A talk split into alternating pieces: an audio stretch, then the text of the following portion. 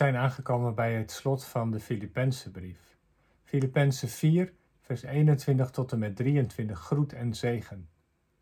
Dan schrijft de apostel, groet alle heiligen in Christus Jezus. De broeders en zusters die bij mij zijn, laten u groeten. Alle heiligen laten u groeten, vooral zij die in dienst van de keizer staan. De genade van de Heer Jezus Christus zij met u. We zijn aan het einde van de brief gekomen. Aan het slot van deze brief, die Paulus vanuit quarantaine schrijft als hij in de gevangenis zit, doet hij tenslotte de groeten. Groet alle heiligen in Christus Jezus. De brief die hij uh, geschreven heeft, die naar de gemeente van Filippi gaat, is misschien ook wel een brief die daarna ook naar andere gemeentes is gegaan. En de heiligen, dat zijn de gelovigen. Dat zijn degenen die door het geloof in de Heer Jezus als het ware apart gezet zijn van de wereld. Ze leven wel in de wereld, maar, niet zijn, de maar zijn niet van de wereld. Ze zijn de Heer Jezus toegewijd en als zodanig heilig. Hij groet alle broeders en zusters daar in Filippi. En hij zegt ook, de broeders en zusters die bij mij zijn, laat u groeten. Nu was dat zinnetje in de oudere vertaling alleen, de broeders die bij mij zijn, groeten u. De nieuwe Bijbelvertaling heeft broeders en zusters eh, gezegd, inclusief taalgebruik, dat begrijp ik wel. Maar in de Filippense brief uit, Paulus, wat Paulus schrijft, lezen we nog niet dat er vrouwen bij hem waren. Hij noemt twee namen van mannen, Epaphroditus en Timotheus, die bij hem zijn, met wie hij contact heeft. Misschien ook nog wel met anderen, maar dat, dat is uit de brief verder niet concreet af te leiden. Maar in ieder geval, degenen die bij hem zijn, die laat hij ook via deze brief de groeten overbrengen. En zo zie je dat er een, een hechte relatie is tussen, tussen Paulus en de gemeente van Filippi. Over en weer zorgen ze voor elkaar, letten ze op elkaar en doen ze elkaar de groeten. Alle heiligen laten u groeten. Vooral zij die in dienst van de keizer staan, daar staat letterlijk vooral die in het huis van de keizer zijn. En soms werd er wel aan, ja, wordt er wel aan gedacht, degene die in het huis van de keizer zijn, die in keizerlijk paleis werken, dat dan te maken had met, met Rome. Maar dat is zeer onwaarschijnlijk. Eh, het was namelijk zo dat, uh, dat elke grote stad eigenlijk wel een Romeinse legerbevesting had of een, of een gerechtsgebouw. En in dat gerechtsgebouw was ook een bepaalde, ja, een bepaalde gelegenheid waar als de keizer op bezoek kwam, hij kon verblijven. En zoals in Nederland ook, het koninklijke familie heeft verschillende huizen, huizen ten bos. In, in Den Haag zijn, zijn er verschillende paleizen, hè, waar, waar residenties waar ze gebruik van kunnen maken. Als ze ergens eh, zijn, kunnen ze in hun eigen huis blijven of in het Koninklijk Paleis, op de Dam of op een andere plek bij Soesdijk. En zo was het in die tijd ook. De keizer had in de, de, ja, in de Romeinse gebieden bepaalde plekken waar hij kon blijven. Waar hij de nacht kon doorbrengen, een paar dagen kon blijven. Het was zo ingericht dat hij ja, daarnaar, uh, ja, dat hij geriefelijk daar kon aanwezig kunnen zijn. En wat bijzonder is, dat op die plekken, of dat in Caesarea of andere plekken gaat, of daar in, in Filippi, op die plekken in, in, in de keizerlijke hofhouding waren ook christenen. Zij, zij hadden de Heer Jezus leren kennen. En tegelijkertijd hadden ze een baan. Ze waren in dienst van de keizer, moesten zorgen voor het voedsel, voor de kleding, voor het schoonmaken van de gebouwen of allerlei andere taken hadden ze daar. En hij groet, hij, groet, ehm, hij, hij brengt de groeten over, vooral zij die in het keizerlijke paleis werken.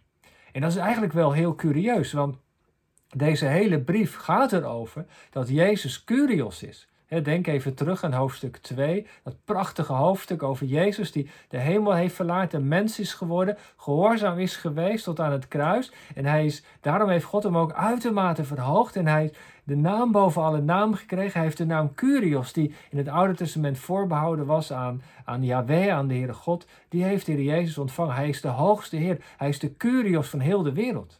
Maar de keizer liet zich ook Curios noemen. Hij was de gebieder van het Romeinse Rijk en noemde zich Soter en noemde zich ook redder. En zo werd hij aanbeden en werd hij als een god ook verheerlijkt. Dus dat, dat geeft ook tegelijkertijd wel iets van die enorme spanning aan. Ze, ze, in het keizerlijke huis waar hij Curios is, woonden christenen die in dienst staan, staan van de Curios van hemel en aarde, Curios Jezus. En dat gaf aan het leven van de christen ook een eigenaardige spanning. Aan de ene kant dienden ze de keizer, de, de aardse curios, maar ze stonden, wat hun hart betreft, in dienst van de hemelse Curios. En dat geeft tegelijkertijd ook iets van de dynamiek aan van het christelijk geloof. Aan de ene kant leef je op aarde, uh, volg je de wetten hè, van de polytuima, van, van, van, van, van, van het land waar je woont, van het koninkrijk waar je uh, onderdaan van bent. En tegelijkertijd ben je verbonden met de hemel, met het polytuima, is je thuisbasis in de hemel. En die spanning ja, staat elk christenleven als het goed is. En ja, uit dat, dat, dat, dat slotberichtje aan het einde van de brief zien we dus ook iets terug van de spanning die de gelovigen hadden. Want de gemeente daar in Filippi leeft in de Romeinse kolonie, die regeerd werd door de wetten van Rome, waar, waar gepensioneerde soldaten wonen die heel de stad inrichten naar, naar de wetten en de regels van, van, van Rome. En daar leefden zij dan als, als christenen te midden van die, uh, die wereld daar Ehm, die zo gedomineerd werd door de aardse curios. Maar ze wisten dat er een, een curios was die hoger, belangrijker was in dienst die ze staan. En als zodanig waren ze aan het werk. En die spanning is eigen aan het christelijk geloof. Daar gaat eigenlijk heel de brief over. Die gemeente daar in Filippi is een kolonie hier op aarde, maar vertegenwoordigt de hemel. En zo is er in deze brief eigenlijk best heel veel langsgekomen. Paulus zit in de gevangenis, schrijft een prachtige brief waarin heel veel theologische notities langskomen. Echt een pareltje om te lezen. Ja, en dan zijn we aan het slot van deze lange serie Bijbelstudies gekomen. Uh, dit is de laatste, een wat, wat kortere video. Maar we hebben zo in deze tijd van corona, ja, de brief aan de Filippenzen uh, verder doorgenomen. Pericoop voor pericoop, stukje voor stukje zijn zoveel thema's langsgekomen. En wat een rijke brief is het. Dat Paulus in de gevangenis zit en dat de rode draad door heel die brief het thema vreugde, blijdschap is. Wie had dat nou verwacht? Maar dat is eigen aan het christelijk geloof. Als je leven in de storm zit, in de turbulentie zelfs, kun je toch een diepe vrede hebben. Ook al gaan heel veel dingen in je leven niet zoals je graag zou willen, toch kun je een vreugde hebben die alle verstand te boven gaat. En zo heeft Paulus ons meegenomen. Ze hebben deze Bijbelstudies ons ook bij de hand genomen. in het begin gaat het erover dat hij zo betrokken is op de gemeente. En dat hij diepe overtuiging heeft dat het goede werk wat God begonnen is, dat hij dat zal voltooien. Hij heeft gesproken over zijn gevangenschap. Hij heeft iets verteld over eh, wat dat met hem deed en dat de, zijn toekomst onzeker was. Hij heeft daarna verteld over dat het zou kunnen uh, zijn dat hij moet gaan sterven, dat hij veroordeeld wordt en ten dood wordt gebracht.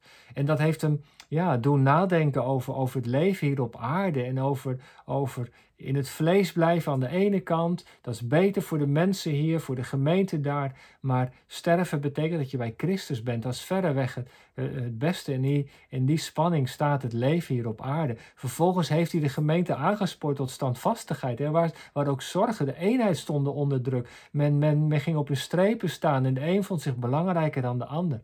En toen kwam hij te spreken, die prachtige lofzang op Christus over dat de Heer Jezus, die, die, die, die, die hemelse Heer, die, die, die hemelse heerlijkheid heeft achtergelaten, dat Hij bereid was om van de troon af te komen. Kijk, eh, lieve mensen, volg zijn voorbeeld. Jezus kwam naar de troon, van de troon af om te dienen. Hij is onze heiland. Hij was bereid om dat te doen. Zouden wij dan ook niet in dat spoor gaan? En, en, en ook de Heere God, ehm, ja, eh, op de Heer Jezus gaan lijken. En de God zo dienen dat wij elkaar dienen en de minste durven te zijn. En vervolgens heeft hij eh, eh, de gemeente aangespoord tot een heilig leven. Om die zaligheid die ze hebben ontvangen, om die uit te werken, van betekenis te laten zijn voor het dagelijkse leven. Want in die wereld waar zoveel mis is, schijnen ze als lichtende sterren. En vervolgens heeft hij gesproken over zijn twee medewerkers, Epaphroditus en Timotheus, die voorbeelden in geloof waren. Paulus, Paulus heeft zoveel van ze geleerd en zoveel van ze ontvangen.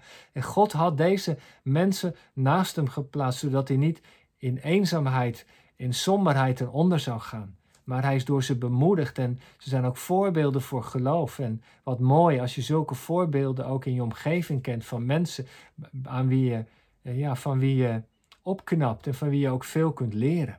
En dan heeft Paulus het gehad over, ja, toch over een heel eigen, eigen dynamiek in het christelijk leven. Dat, dat mensen, voor mensen is status heel belangrijk. Je, je, je, je afkomst, eh, de inkomsten die je hebt, de carrière, de dingen die je hebt bereikt in het leven. Paulus zegt, ik was daarin ook super geslaagd. Maar mijn leven is veranderd. Dat, dat staat niet meer op de eerste plaats. Jezus staat in het centrum van mijn leven en ik verlang naar Hem beter te leren kennen. Daar strek ik mij naar uit en Hij nodigt ons uit om dat ook te doen. Om de focus op Christus te houden en, en, en, en het geloof in Hem in het centrum van ons leven te laten staan. En zo kwam hij ook te spreken over dat we als gemeente en als gelovigen burgers zijn van de hemel. De gemeente is een kolonie, thuisbasis in de hemel, maar we leven hier op aarde volgens de waarde van het koninkrijk. En dat heeft heel veel consequenties voor onze levensstijl. Elke keer maar weer gericht. Heer, wat wilt u dat we doen? Laat uw koninkrijk komen. Help ons te leven door uw geest volgens de waarde van uw koninkrijk. En in het laatste hoofdstuk allerlei praktische adviezen over de eenheid, hoe je conflicten oplost, over blijdschap, over eh, niet bezorgd zijn. Uh, je vriendelijkheid bij alle mensen bekend. Het was een publiek gebeurde. De mooie dingen die in een cultuur zijn, probeer daarbij aan te haken. Je leeft niet op een eiland, maar laat je innerlijke hart, je innerlijke leven gericht zijn op Christus. Laat Hij de bron van je leven zijn. Ja, en dan hebben het uiteindelijk over gehad, over de gaven die hij had ontvangen, de gemeente die naar hem omzag en ook over wat het diepe geheim was van Paulus' leven, dat hij in het leven staande kon blijven vanuit de kracht die Christus hem heeft gegeven. En ja, dat, hopelijk is dat ook het geheim van ons leven. Ik vermag alle dingen, ik kan de dingen aan. Door, niet omdat ik zo sterk ben, maar door Christus die mij voortdurend steeds maar weer kracht geeft. En ik mag met Hem verbonden zijn door het geloof. En ik hoop dat deze Bijbelstudies je daarin hebben geholpen, dat ze je mee hebben genomen tot, vanuit de omstandigheden die zo gedomineerd zijn door corona, via het woord, dichter bij de God van het woord, dichter bij de Heer Jezus. En ik hoop dat de Heilige Geest veel van deze waarheden in je hart en je leven heeft geplant. En ja, ik ben dankbaar voor het woord en dankbaar dat ik bepaalde dingen mocht delen. Ik heb er zelf ook heel veel van geleerd. En ja, mag ik tot slot ook uh, voor u, voor jou bidden. Dat de, de boodschap van, van deze brief meer wortel schiet in ons leven. Machtige God en, en trouwe Vader, wij danken u dat ons leven in uw hand is. En dat u met twee handen naar ons toe komt, met uw woord en met uw geest. En wat hebben we een rijke brief bestudeerd? Wat heeft ons daarin veel te zeggen gehad? wij danken u daarvoor. En wij danken u ook voor uw Heilige Geest die gekomen is om ons te helpen, om dat woord in ons hart toe te laten en er ook uit te leven. En ik bid dat iedereen die deze Bijbelstudie ziet, iedereen die ja, deze serie Bijbelstudies tot zich neemt in het luisteren of in het kijken, rijk wordt gezegend. Dat uw geest erdoor meekomt, dat het woord tot leven komt en dat we gesterkt worden om in deze moeilijke tijd van corona het ook vol te kunnen houden. Heer, want veel is anders en voorlopig zal dat echt nog niet veranderen. Maar u blijft in alles dezelfde. Uw genade is genoeg. U, hebt alle rijkdom vanuit de hemel tot uw beschikking om ons daarin te zegenen en te helpen. En mag het zo zijn, Heer, dat dwars door deze crisis van corona we hechten verbonden zijn met de Heer Jezus. Dat uw geest meer de toegang krijgt tot onze harten en dat we nog beter zicht hebben hoe we kunnen leven hier op aarde volgens de waarde van uw koninkrijk. Laat het zo zijn, dat bid ik u in de machtige naam van Jezus.